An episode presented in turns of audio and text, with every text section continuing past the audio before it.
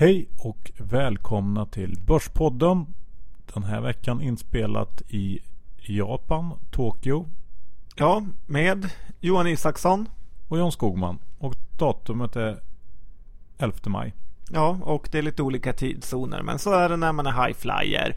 Vi sitter på vårt hotellrum i... Vart, ja, vart är vi Johan? Ja, i centrala Tokyo i Shibuya-distriktet. Ja, låter bra. Ja, och eh, vi har precis spelat in en eh, intervju med en eh, kille från Australien som har jobbat här i Japan under väldigt många år som vi kommer att eh, köra och spela upp för er lite senare i avsnittet. Ja, Johan, vi ska tacka DeGiro och eh, det är ju så att DeGiro är ju en av de få mäklarna som jag vet i alla fall där man kan handla japanska aktier direkt. Så det är ju väldigt eh, bra. Öppna konto på digiro.se och lär er känna den japanska marknaden. För det har vi gjort Johan och vi kommer att handla lite Japan när vi kommer hem. Ja, det finns en hel del intressanta bolag här. Vi ska också ta och presentera vår andra sponsor Lendify. Ja, Lendify är ju den här peer-to-peer utlånaren där man själv får leka bank. Eller kan låta Lendify sköta utlåningen till andra kreditvärdiga personer. Bra idé och eh, jag tycker att man ska kika in om det här kan vara något för ens egen portfölj. Så tack Lendify.se. Nu kör vi igång veckans avsnitt.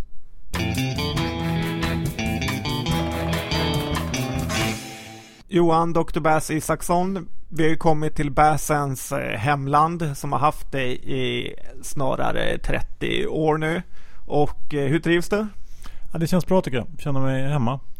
Jag kan tänka mig det. Har du gjort några härliga betraktelser so far av våra, jag vet inte, sju timmar långa besök här? Ja, det, det första som man ju lägger märke till, eller en av de första grejerna, det är ju toaletterna i Japan. Ja, du har varit borta mycket sedan vi landade faktiskt. Ja, och jag uppskattar eh, toaletterna här i Japan väldigt mycket. Det finns ju ett märke som är väldigt stort som heter Toto. Och vi har en sån toalett här på hotellrummet. Och eh, för de som inte vet det så är ju toaletterna lite annorlunda här. De har en funktion som eh, gör att det sprutar upp vatten för att göra rent. I Diamond. Mm, så kan man säga. Och eh, det finns även andra finesser som eh, eluppvärmda ringar och eh, ja, massa grejer runt omkring som man kan trycka på. Ja, och med en hel instrumentpanel som man sitter och rattar samtidigt som man sitter. Så att här känns det ju som att Sverige ligger och hela Europa ligger rätt långt efter vad gäller toalettutveckling. Ja, jag skulle faktiskt gärna ha en, en Toto toalett hemma själv.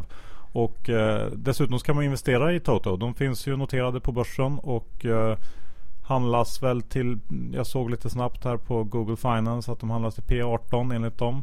Och eh, ja, det här kanske kan vara ett intressant bolag att titta närmare på. Ja, Svedberg får ringa upp dem och försöka lära sig lite produktutveckling. Ja, det finns ju en enorm potential om de lyckas börja exportera de här grejerna. Jag vet att i Kina så är Toto toaletter hög status och eh, Ja, det kanske kan vara något. Du då Jan, har du eh, spanat någonting? Ja, det lilla med alla våra taxibesök och eh, taxi är ju för övrigt fruktansvärt dyrt i den här stan. Eh, det är ju att de här västerländska kedjorna finns överallt. Vi har Starbucks, vi har 7-Eleven. Det finns en väldigt stor kraft i de här märkena och McDonalds och så vidare. Så jag tror, vill man ha säkra kort så är det aldrig fel att satsa på amerikanska mega-franchise. Sen är ju Disney stort med. Det finns ett stort eh, Disneyland. Eh, så fort man eh, landar i princip så är, börjar det hänvisas skyltar dit. Och vår lilla musikexportkedja Sara Larsson var ju det första vi hörde när vi satte oss på ett fik här Johan. Ja, det är kul. Men japaner är väl kända för att gilla svensk musik? Uncover, uncover. Lite så lät det. Och eh, sen är det ju personal precis överallt Johan. Det är en lång väg för ITAB med deras eh, självutcheckningsmaskiner innan de har tagit över här för då kommer arbetslösheten gå upp till 30 procent. Ja, det är lite USA-känsla att det finns väldigt mycket personal på restauranger och i butiker. Ja, det var väl lite kort härifrån. Eh... Vi kanske ska också ska säga att eh, SAS måste gå bra nu för planet till Tokyo var ju fullbokat en vanlig tisdag. Känns lite oväntat. Ja, både business och vanliga helt fullsmetat med folk som ska till Tokyo. Vad du de ska hit och göra. Ja, kan man fråga sig. Sen kanske vi ska säga något om eh, Paradox som har nu släppt eh, sitt eh, spel Stellaris. Och jag tänkte väl i alla fall så att om det här spelet tas emot väl av analytiker på spelsajter och av spelare så kommer det nog vara en ganska bra indikation på om aktien kommer gå upp eller ner efter introduktionen. Ja precis John och så här långt verkar det väl som att eh, betygen, eh, ja då ser det väl bra ut, hyggligt bra i alla fall. Ja men jag tycker de ser väldigt bra ut och eh, har ju, man har ju fått indikationer från Fredrik Wester att det har sålt väldigt bra. Så att det här kan nog bli en succé för Paradox. Det som jag ser som lite oroande är ju kritiken är att deras så kallade AI, som jag antar är artificiell intelligens Johan, mm eh, på dataspelspråk. Att den verkar lite svajig. Samt att betyget har gått ner lite sista dagarna. Men det känns ändå som ligger man kring 8,8, 8,7 av användarbetyg så är det eh, för bra för att ignorera. Ja, Q2 borde bli bra helt enkelt. Och John, vi har ju faktiskt med ett besök på börsen här också i Tokyo. Ja, JPX som eh, den heter, Japan Stock Exchange. Ja. Vad var känslan där? Ja, det var väl eh, faktiskt, får man ge OMX, Nasdaq hemma i Sverige, eh, lite tummarna upp i fräschhet av lokaler och så vidare. Å andra sidan är ju deras lokaler mycket nyare och ligger ute i Tjotta. Men eh, det var intressant att de har valt nästan en hel svensk lösning på sina produkter här i, i Japan. Ja, de var ju väldigt stolta över sitt nya avtal med Sinober. För de har ju precis signat upp sig för Sinobers eh, clearingsystem. Ja, och det är något som eh, förmodligen kommer bli något då realtidsclearing är lite av en bitcoin-genilösning och det finns ingen anledning att ha de här T plus 2, T plus 3 reglerna som finns idag. Och Nej. det utgör ju också en risk såklart med att man får vänta på aktieleverans. Så är det. Så att eh, tummarna upp till Sinober som är ute i världen och lyckas. Ja, verkligen. Och Johan, är det dags att säga något om vår intervju som vi snart eh, släpper på? Ja, vi träffade en kille som heter Michael Newman och han har som sagt eh, verkat här i Japan i många, många år. Eh, varit på de flesta av de stora bankerna och mäklarfirmorna men kör nu mer egen låda och med honom pratade vi om ja, lite allt möjligt faktiskt. Stort ja. och smått. Ja, det var spännande att möta en australiensare som bor i Japan. Och kom ihåg, det var två grabbar som just hade landat från flyget. Så säg inget taskigt om oss. Nej, precis. Nu kör vi.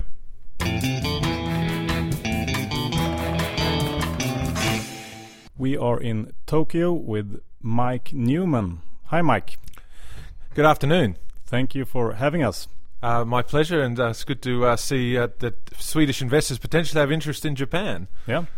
Uh, can you start with giving us some background? Uh, who are you, and how? Why are you in Tokyo? Okay, uh, my uh, passage to Japan has been uh, quite an interesting one. Uh, I've uh, had an association for over 30 years.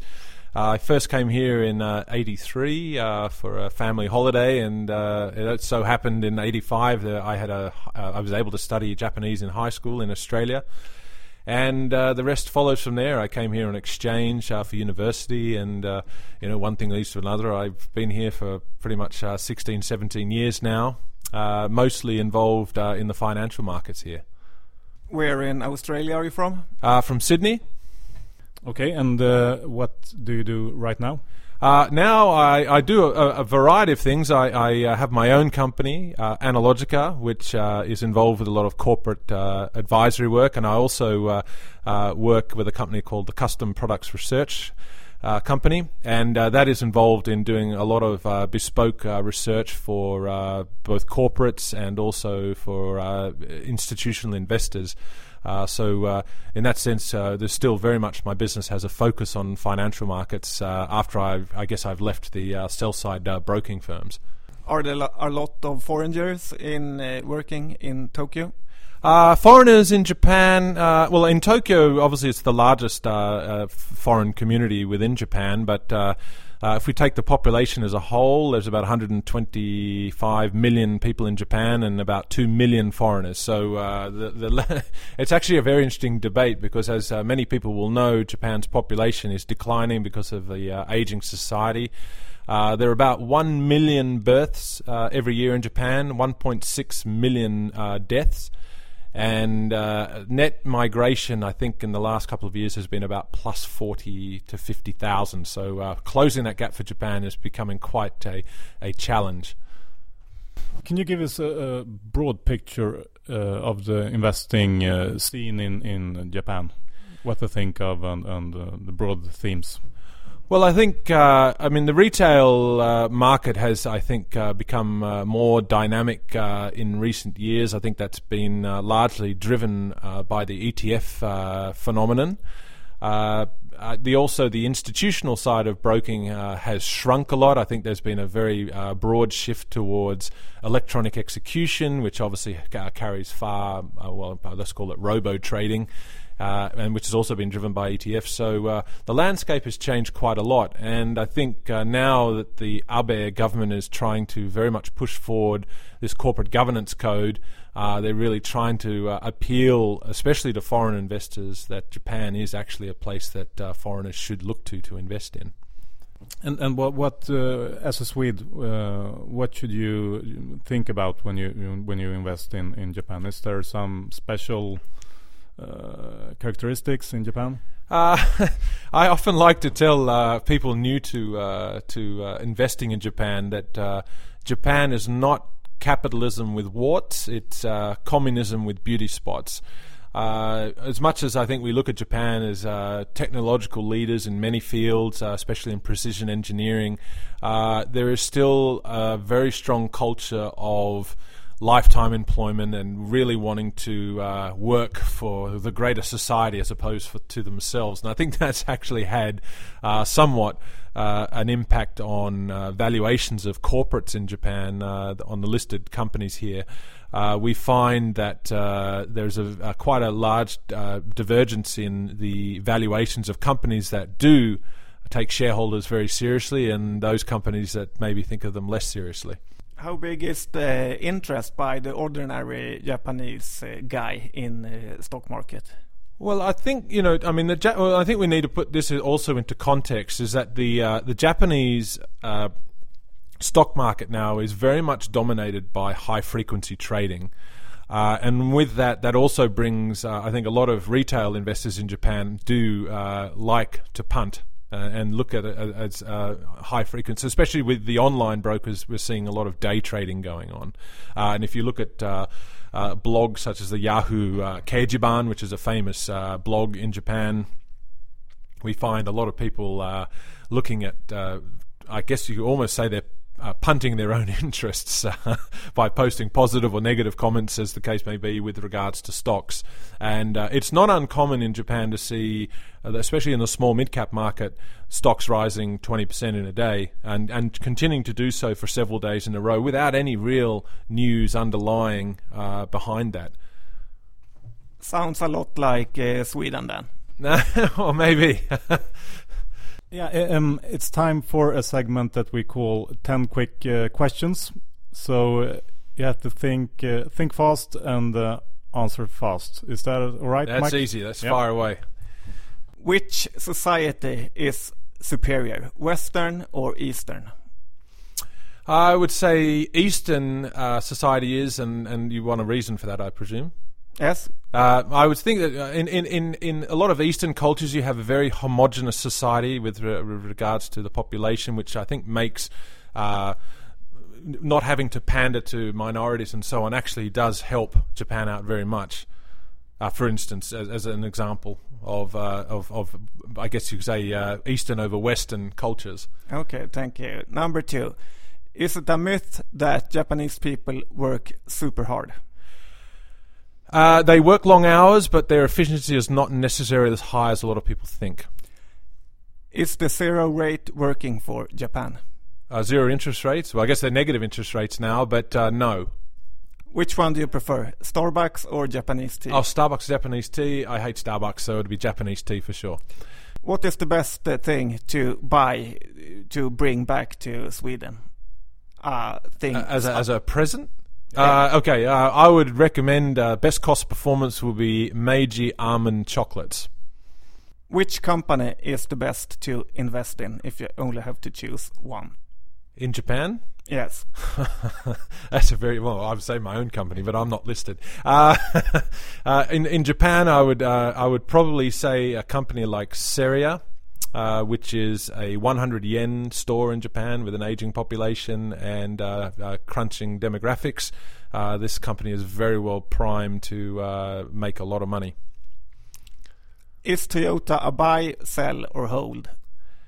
Uh, Toyota, as a uh, well, in terms of valuation now, it's probably more in the whole territory, but I think it is a company that will continue to be a dominant force in the automotive industry. So, if you take a very long-term view, I think Toyota is still a very uh, a very good company. Which is the best country to invest in in Asia? In Asia, oh, oh god, it's not Japan. Uh, although it, liquidity-wise, Japan is probably one of the better markets to invest in. Uh, it's it's a relative game, and I think uh, Asian markets in general uh, are a little bit uh, shadier when it comes to uh, corporate governance and compliance than the West. So maybe I put it that way. Okay, and the last one. What is the most famous uh, company from Sweden you have heard of? Most famous company in Sweden uh, would be Volvo. Thank you very much. Great. Maybe we can talk a bit about uh, demographics because that is uh, is a big thing when you when you think about Japan, and I guess you have to factor it in when you invest in Japan as well. Well, uh, interestingly enough, uh, maybe I should put it to you this way: uh, uh, Japan has a listed funeral company by the name of San Holdings. And I visited this company maybe three years ago, and I said, "You must be happy the fact that the aging population with 1.6 million people dying every year."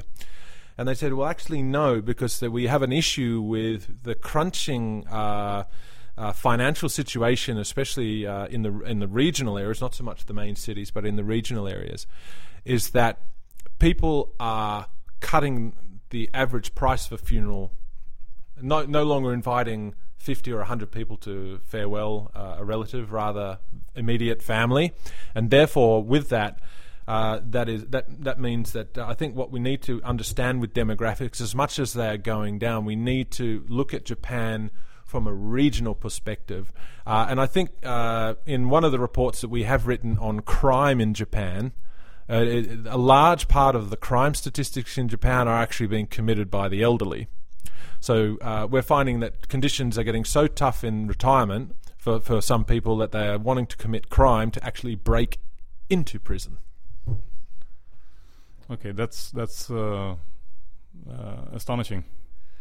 Well, uh, uh, and to be honest, uh, in Jap- in Japanese prisons, you get free meals, free accommodation, free healthcare, uh, free jobs vocation. This is an interesting thing for the government to consider as well, is that uh, people who aren't in prison have to pay for any vocational training should they look to uh, try and change the nature of their job.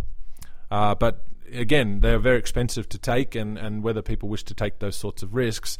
Uh, but again, in a society where you have had lifetime employment for such a long time, and now that social fabric is starting to break down, uh, that is causing, again, more uh, social friction in terms of uh, re employment. And uh, also, Japan is now having quite a lot of discussions about uh, what to do with the minimum wage. Uh, where I come from in Australia, we have the reverse problem where uh, casual labour rates are way too high, especially on holiday periods in Australia. If, if you work on a holiday, uh, an average worker will be getting about 50 Australian dollars an hour. In Japan, doesn't matter if you're working on a national holiday or, or, or, or a normal day, same rate, uh, maybe you know about uh, just a little under a thousand yen per hour. I also read in your report that uh, older people there's a high suicidal rate uh, for them as well. Yes, uh, suicide in Japan, uh, around 40% of suicides uh, committed by the retiree demographic. Uh, and I, I, think it's more a question of they see their future as so bleak that clearly, with Japan with zero interest rates and Japanese liking very conservative investments, they want to invest in you know yield products. But in Japan, you know, almost half of the the yield product market net zero uh, interest. So for them, I think there are all of these concerns that. Uh, that and so that's I think becoming a decision for more and more pensioners: do I commit crime to break into prison, or do I commit suicide? And it's a sad fact, but it's it it, it is it is uh, indeed a problem. It sounds really depressing. How come it? Came to this point when Japan is one of the richest countries in the world? Well, I guess wealth is a relative term. Uh, Japan, as you will know, has a uh, gross debt to GDP ratio of about 250%. And uh, again, the issue here is that Japan is still a quite a high tax society. Uh, of course, we've had deflation for quite some period, which has really prevented the economy from uh, potentially growing out of its debt problem. And now this is why, with the uh, Abenomics, you know, the Bank of Japan is essentially trying to uh, you know monetize the debt, uh, but again, the progress is very slow. So, you know, and, and and the thing is, is that everything in Japan happens at a very very slow rate. I mean, we could even argue. Remember uh, the Polish uh, cut corporate tax rates uh, back in 2004. Uh, from I think 40% at the top end to around 19%, and they had a huge flood of people that started to pay taxes because it finally people realized that paying this amount of tax was low enough to not play around in the grey economy. Now, Japan also has a grey economy. Now, I think what people also need to understand is that 99.9% of companies, and this is not a, a lie, are small to medium sized enterprises. Of course, when people think of Japan, we think of these giant Toyotas and Sonys and Panasonic type uh, companies. Of course, they exist, but in actual number of companies in Japan, 99.9% are small, medium sized enterprises, and they employ 70%, 70% of all people in Japan. So, you know, with that dynamic, 70% of corporates in Japan pay no tax because the corporate tax rates are relatively high. The government uh, has moved from, say, paying uh, or at least uh, charging slightly over 50% corporate tax in the 1990s, bring it down to early 40% uh, corporate tax in 2000, and recently uh, bring it to around uh, in, into the low 30s. And I think by 2018 they want to bring it just under 30%. But the problem is, is that when you let air slowly out of a balloon, people don't adjust to that. I mean, they, they slowly adjust to the change, but if they feel there's not enough incentive to make the switch, like what happened in Poland, uh, I don't think you're really going to see any real change to taxation. Now, of course, in Japan, consumption tax uh, is a very, very big subject. Uh, 31% of all tax intake in Japan comes from the consumption tax itself, and that has now overtaken personal income tax as the biggest tax revenue driver for the government. Are you worried about the national debt for Japan? Uh, a national debt? Well, I guess Japan can probably sell a lot of its. Uh, what I think you will see in Japan is a, a, a huge uh, asset sale by the government, and we've most recently seen this with uh, Japan Post. Uh, and I think we'll see it with other assets, maybe Nexco, the high, uh, the Highway Corporation, and so on. And I guess if you sold all of Japan's uh, major assets, you'd probably get the national jet, uh, uh, the the gross debt to GDP down to maybe 140, 150 percent to GDP. So. It is a concern, uh, of course, the level of debt, but I guess it's how the government attacks reducing it. And at the moment, it's still a lot more of the same kind of uh, policies. But as we've seen with Abenomics, as much as the market's reacting and, and, and I guess on the margin things are getting slightly better, we need, I think, to see far more aggressive action in terms of letting the market uh, become far freer uh, and, and, and, and more aggressive adoption of things like the corporate governance code and incentivizing corporates, uh, especially their management. And how do you think uh, Abenomics is working so far? Well, uh, as you know, there are three arrows, uh, and and I mean the major arrow really is the, the, the structural reforms. Now, of course, you know structural reforms uh, mean different things to different people, but part of the structural reforms, of course, is to sort of uh, uh, get you know the Japanese as the Japanese corporations to be you know, and, and invite foreign investment and trying to really make the capital markets work much much better. But that also will mean lower taxes and uh, making companies a lot more flexible. But still, these things are on the margin. And again, when you have companies that are rooted in, you know, 100 years of tradition, getting them to move to new uh, paradigms of, of the way they run the business is quite difficult in, in practice. I read in one of your reports about um, the lack of innovation uh, among the big the big companies in, in Japan, maybe the, the tech companies. Um, can you can you describe um, your thesis? Sure. Well, I, I, I, again, I like to sort of say if we took the 20 largest Japanese technology firms that many people would know of Sony, Panasonic, Toshiba, Mitsubishi Electric, uh, uh, TDK, uh, you know, the, the, the list is long. If you aggregated 25 years of their net profit and then you compared it to Intel, just by itself, 25 years of net profit, who made more money? Intel, but that's because I read your report. Yeah, well, it is Intel. But the thing is, is that while while the Japanese may make similar revenue numbers per employee than uh, does an Intel, when it gets down to the profitability end, a lot of Japanese companies are still finding themselves stuck in the commodity end of town, and therefore, when you're trying to compete against uh, companies that are specifically good at one thing. So Intel is really doing one type of thing very well. I know that's being uh, sort of disingenuous to uh, Intel, but again, they're very, very good and focused in one uh, core area. Whereas you know Toshiba would be split up into uh, nuclear power, refrigerators, elevators. Uh, uh, so washing machines, laptop PCs, mobile phones, it just spread everywhere. And the problem is, is that a lot of their markets are being uh, you know, gobbled up and destroyed. Uh, and and you know, I think and I think this is a point to make as well.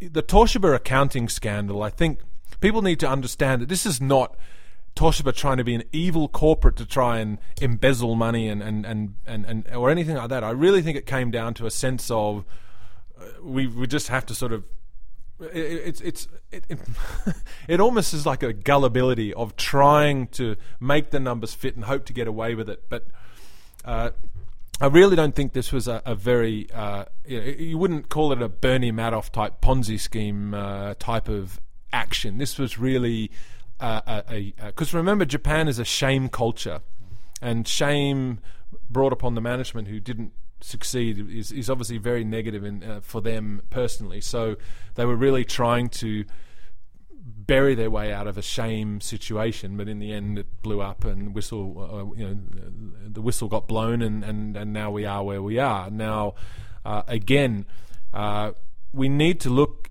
and I think this is a very very important part of Japan. Uh, that is we see it a lot more with the small to mid-sized companies where you get a much higher ownership by the insiders. Generally, the president might be the founder of the company, and I guess so he has a lot of skin in the game.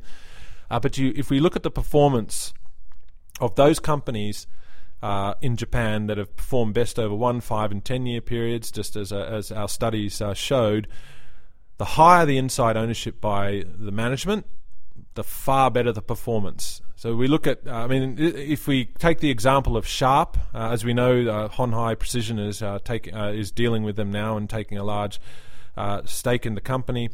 That what happened with Honhai may not have happened in the way that it happened if the management of Sharp had skin in the game. Now, Sharp CEO owned 33,000 US dollars worth of his own company stock, worked there for 40 years now, if this was an American company, you could only imagine that the CEO would have had options or something that would have been in the multi millions.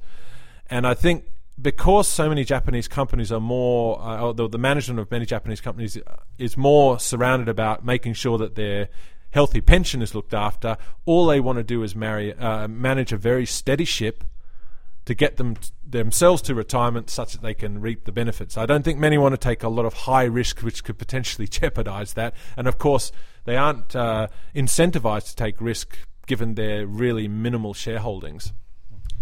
Or maybe the CEO is just a smart guy when the sharp stock has fallen 90%. He, he knows how to invest. Well, but I think but I think it's beyond that. I think a lot more of the smaller mid cap companies are far more aware of foreign investors. They tend, and we also did studies on the age of the boardrooms in Japan. Now we found that most of the scandals that happen in Japan with regards to uh, sort of uh, breaches of corporate governance, if you like, happen to companies where the average age of the boardroom was over sixty years old. Now uh, we even have this situation now with uh, with Seven and I Holdings, where the chairman, uh, well, sorry, the president at the moment is around I think 82 years old, and he's having issues with uh, the. There's an in-faction fighting about the next president, who he thinks is maybe not the right guy. He's in the mid 60s, so yeah, too young. Yeah, he's too young. but but the point is, is that when you have people that have grown up in the post-war Japan period where it was all about again social duty of the company. And remember, in Japan, shareholders up until very recently have ranked probably third or fourth. It's been stakeholders such as banks, uh, employees before shareholders. But of course, in Western societies, shareholder is king. And so trying to get Japanese corporates to think more in that way is not an easy process. And, and corporate governance code, to one uh, case, and I think this is an interesting uh, uh, point, is that corporate governance in Japan around 90% of companies in the first section have complied with the government's, uh, you know, with Abe's plan to introduce the corporate governance code. It's, it's, it's, it's voluntary. But because a lot of Japanese companies don't want to be the odd man out, they all subscribe. But that inc- uh, requires each of them to hire two independent directors. But instead of high, I mean, I, I, I ran the argument to the uh, the Financial Services Agency in Japan, which uh, looks after corporate governance, and they said, "Oh well, we feel very happy that the corporates that we speak to, the, the chair, you know, the chairman and, the, and the, the management and the CEO, all really believe." That the corporate governance code is working, they understand it. And I said, Well, you are the regulator, and of course, that would be in their best interest to tell you they understand it to save more cumbersome regulations or seminars to sort of teach the gospel. But I said the problem is getting the right type of person in the seat. Meeting the requirement is easy. You can hire two people off the street to be independent directors, but will they actually add value in a way that shareholders are looking for? And I think that's the big difference. A lot of Japanese companies are hiring what I term as ningyo, which are those Japanese dolls and and basically they're hiring people that are not going to rock the boat and and, and make wholesale change. Now, I, I argued with the FSA. I said, what corporate rationally tries to hire people that aren't the best? All corporates strive when they go through any interview processes to try to hire the best possible candidate. I mean, an airline would never hire a pilot who didn't have qualifications. It'd be bad for reputation and clearly makes no sense. So, why do Japanese corporates, not all, but why do many Japanese corporates operate to hire someone that's safe rather than someone that's effective? Because I've been telling a lot of Japanese corporates that I meet that independent directors are not costs, they are investments.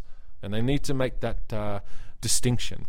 And they're not expensive, but the thing is, make sure if you're hiring them, make sure that they can help you to achieve your goals.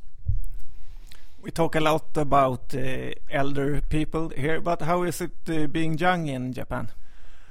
Well, again, I mean, well, uh, being young in Japan, of course, they grow up still in the hierarchical society. I guess that's uh, ingrained by their parents. But things are changing, I think, with the advent of uh, the internet and obviously more foreign uh, movies and, and a lot of foreign culture in Japan. I think the youth are getting far more aware of the environment outside of Japan, which I think in the long term is a good thing. But it just depends on how quickly we can get the corporate change to happen. Because I think what we also need to to uh, consider here is that for the Japanese government, uh, the voting population. Obviously, not all people can vote in Japan. At the moment, the uh, voting age, I believe, is 18. So as the population ages, we're going to get to a stage in you know 20 odd years' time where half the voting population will be retirees.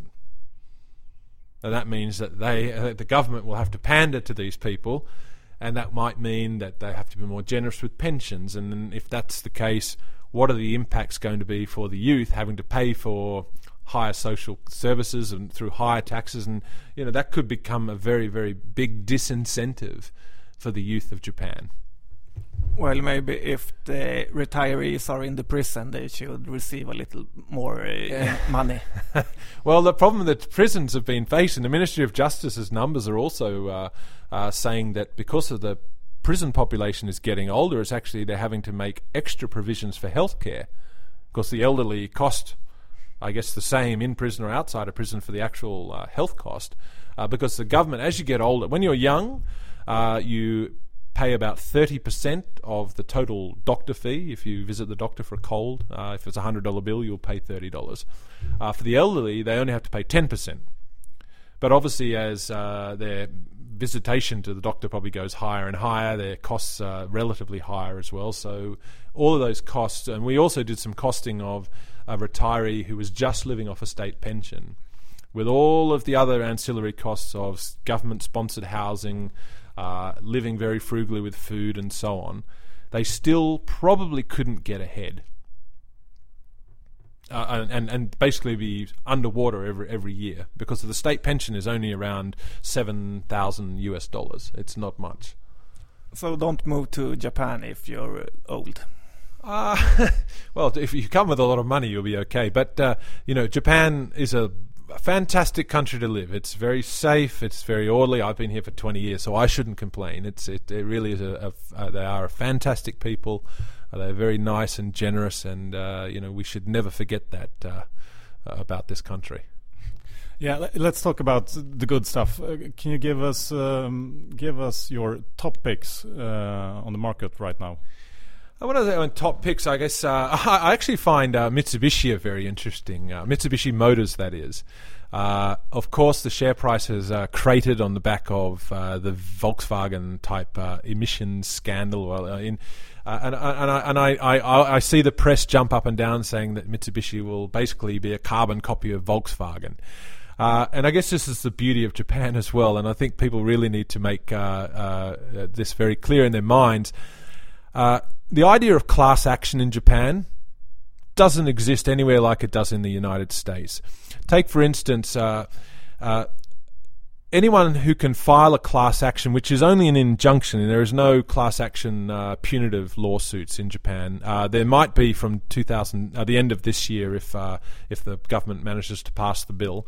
But what it means is that a consumer advocacy group, which must be authorized by the Prime Minister himself before they can uh, launch any action, must tell the offending corporate that they intend to launch a class action uh, suit against them, but they must give them ample warning to do something about it first. So if the company does anything even remotely slightly towards improving, then the uh, then the action group cannot launch a, a, an injunction against the company. So that's what we're dealing with here.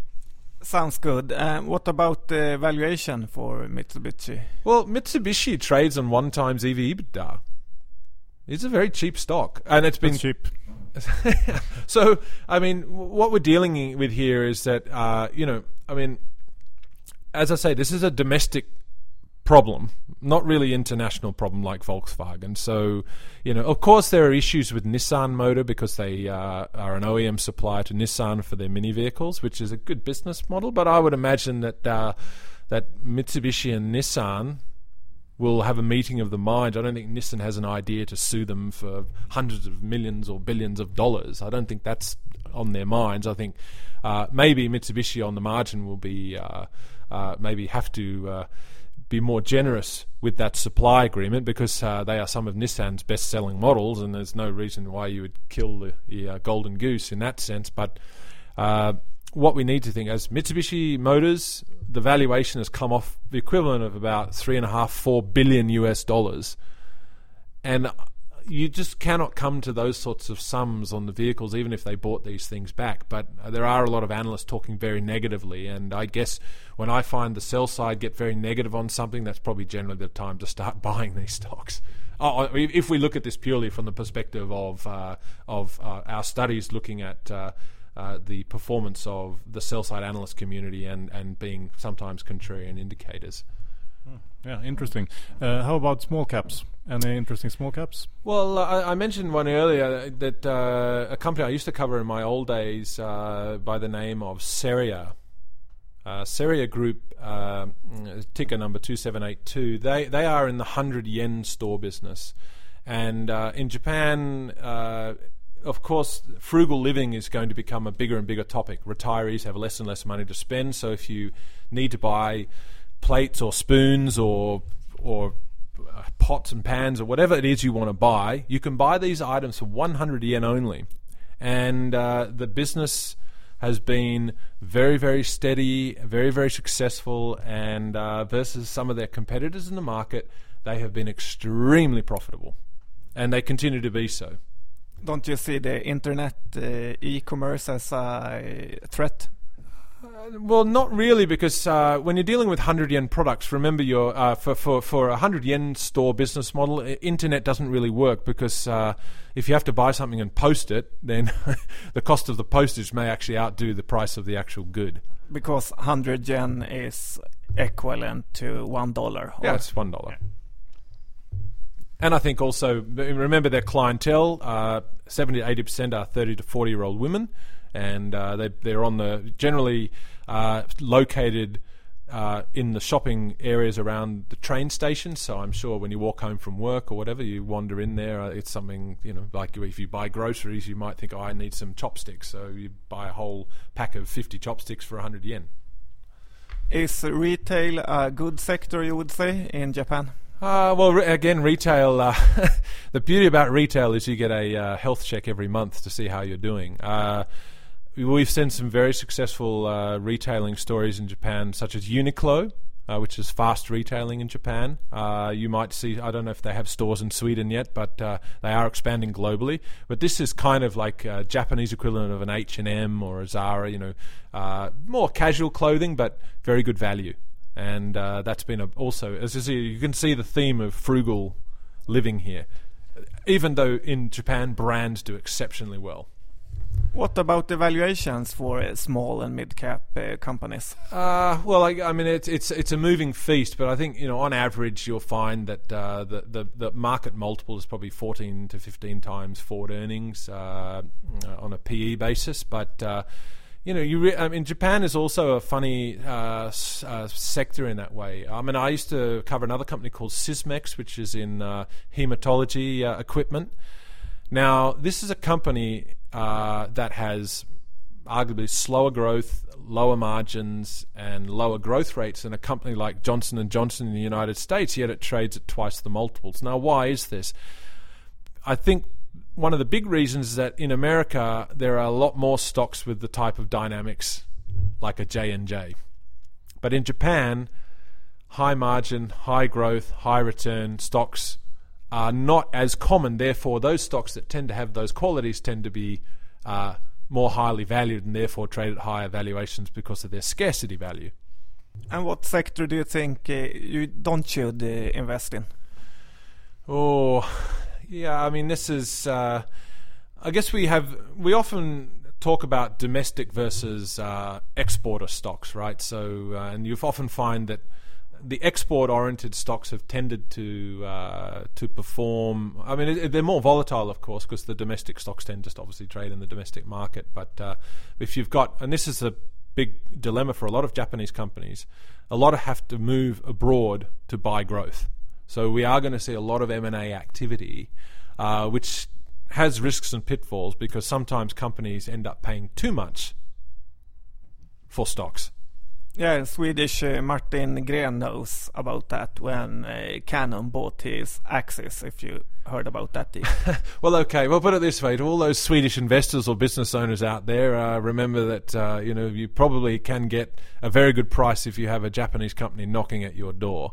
Uh, and I don't. I mean, I, my my business is actually to encourage Japanese companies uh, not to fall into the pitfall of paying too much. But I think uh, I often uh, use the term the perfect melon syndrome in Japan as they as as goes overseas uh, mergers and acquisitions. What I mean by that is, if, if any of you have been to Japan and seen those uh, expensive water, uh, not watermelon, sorry, uh, rock melons uh, in a lovely pine box with a silk lining.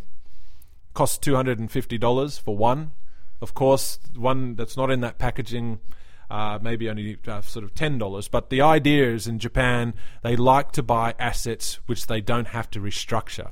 Of course, in the West, we like buying businesses that have great business models but are badly beaten up because of poor management or poor parts in the cycle or whatever, and try to buy in at a very cheap price, reform it, and uh, extract the value. Japanese are not like that. They want to buy perfectly formed businesses that don't require touching and then let them operate as uh, they are.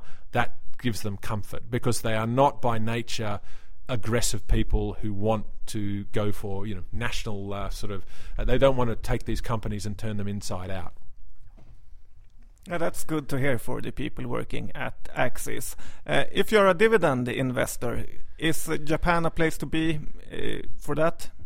Well, dividends are uh, on balance rising, and I think there are more companies that are trying to return more cash to shareholders. I mean, one good example of that uh, was uh, Amada, uh, when Japan had a uh, uh, uh, when the co- when the corporate governance code got introduced, the TSE in conjunction uh, brought a the Nikkei 400 index, which is all about good corporate governance, and you had to meet certain return requirements. So, in order for them, Amada, that is, to make sure they made the list, very very highly cash rich company said we are going to a 100% payout ratio, which for them, they're quite a profitable company. It turned out to be quite good news for investors. But the idea is that uh, trying to get more Japanese companies to be far more efficient with their balance sheets. There are a lot of very lazy balance sheets in Japan where companies have billions of dollars of cash sitting there doing nothing, uh, but they feel that having cash kind of is a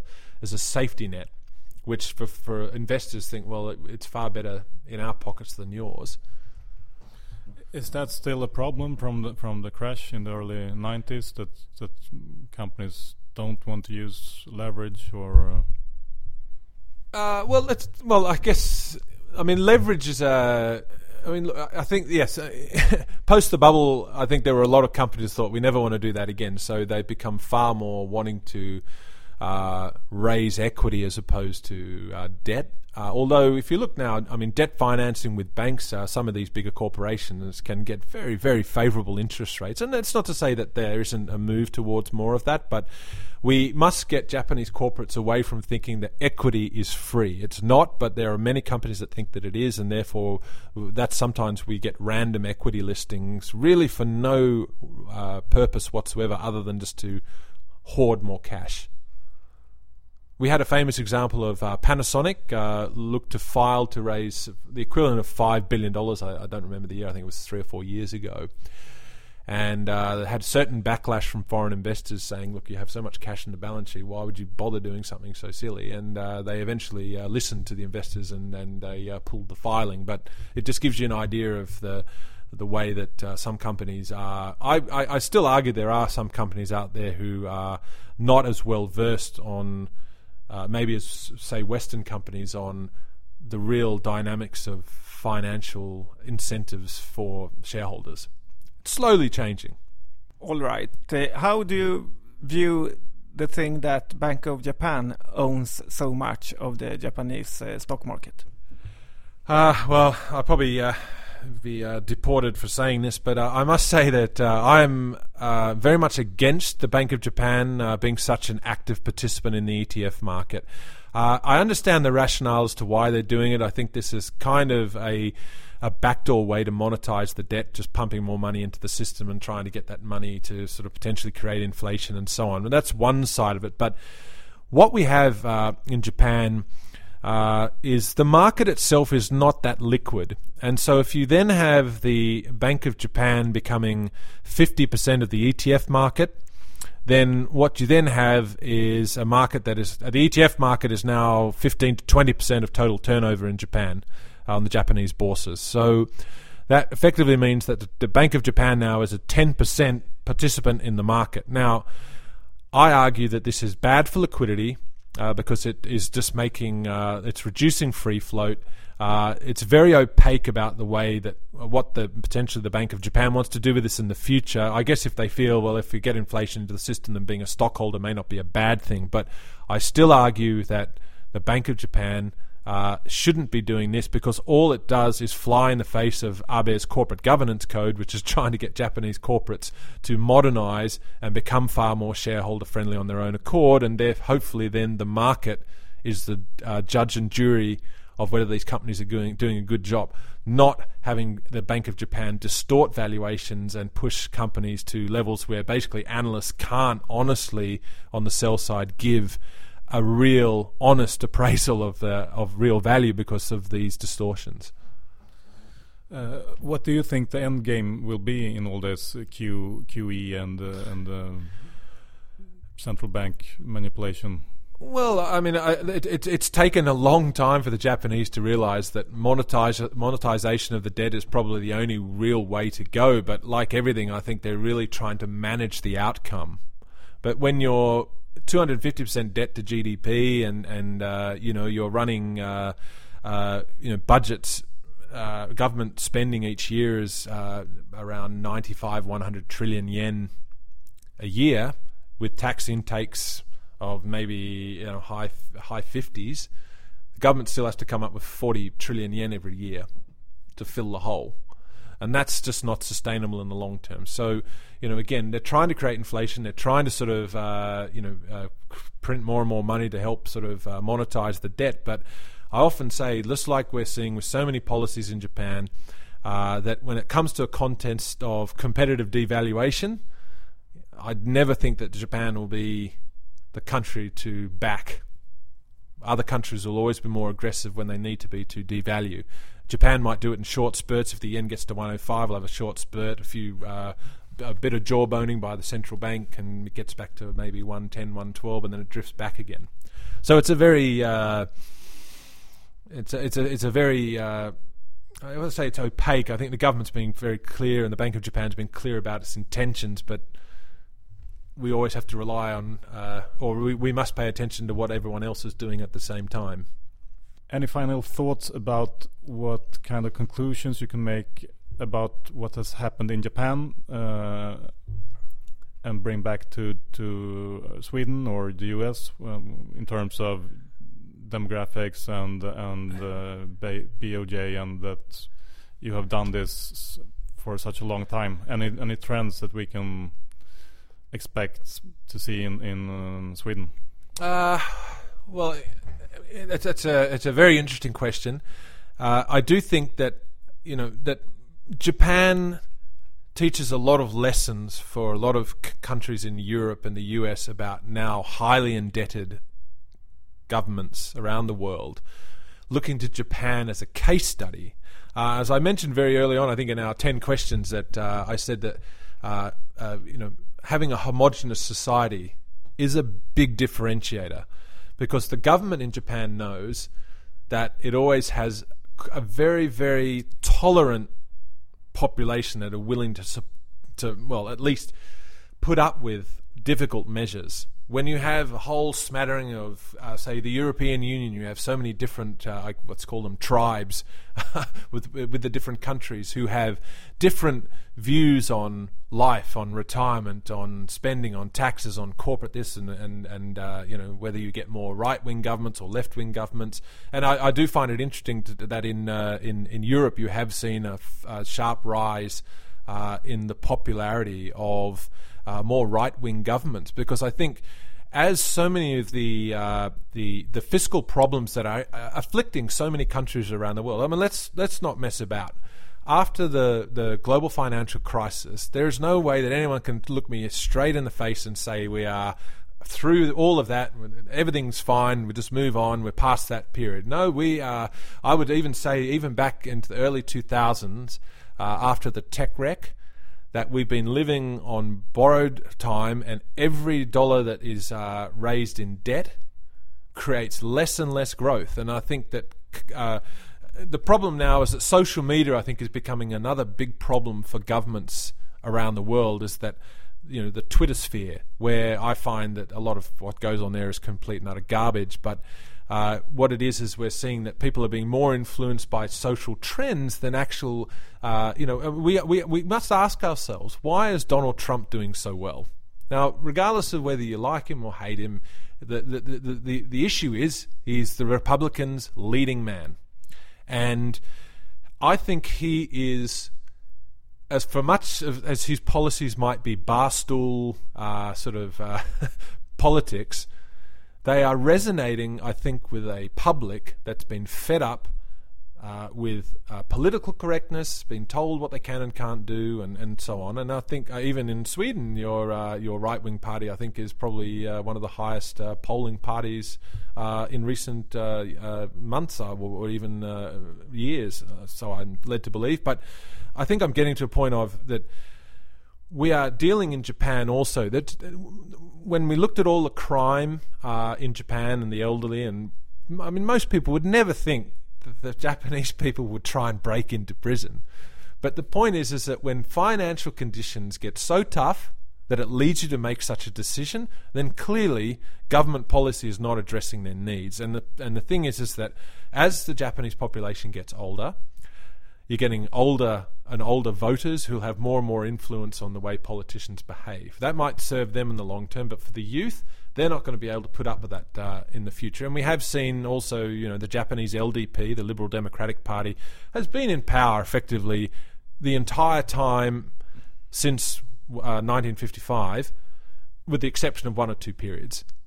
So, in that sense, maybe that's going to start to change the face of politics. But I think as we look at the world and from a global sense, and, and, and I know I've sort of taken your question a bit off, off, off track, but I think the point to be made here is that there are lessons to be learnt in Japan, but whether they can be realistically applied in Sweden or Germany or, or America or wherever, I think it's a, a bit bigger ask because, as I said, this is a effectively a communist country, and people are prepared to socially share grief. And I don't think many Western countries are geared in any way, shape, or form to be able to assimilate so easily uh, to any sort of fiscal issues going forward. And I, and you know, I think that this is really, really is something that I have a very, very uh, passionate view on. Is that you know we must v- very much pay attention to the way uh, the the governments of the world move away from political correctness and start to move to a uh, to making effective policy, which may be unpopular in the short term, but until we go through these unpopular times where we have to take the harsh medicine to pay for all of the, uh, let's call it 15 years of uh, uh, debt fueled printed money to get us to where we are to sort of neuter the pain. Having lived in Japan for 20 years and experienced all of that, it does not work. Eventually, you have to pay it back. Interesting. Time is up, Mike. Thank you so much for having us. And thank you. It's been a, a great pleasure to uh, speak to you. And uh, I have been to uh, Stockholm, and I, am a very big fan of Sweden. So I hope uh, to see uh, uh, your country again. And thank you for making the time to come and see us in Japan. Thank you.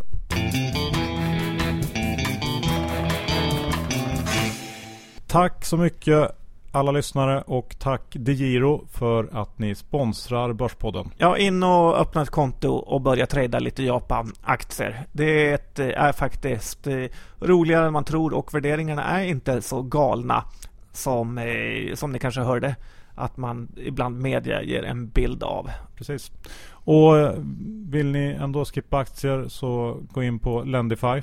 Ja, man kan ju ha flera intäktskällor som vi har pratat om Johan. Men titta in på lendify.se, se om peer-to-peer utlåning kan vara något för dig. För det känns som att det är där framtiden ligger. Ja, och vi ägde inga aktier av de vi pratade om den här veckan. Nej, men vi kanske får införskaffa. Ja. Tack så mycket så hörs vi snart igen. Hej då. Tack och hej.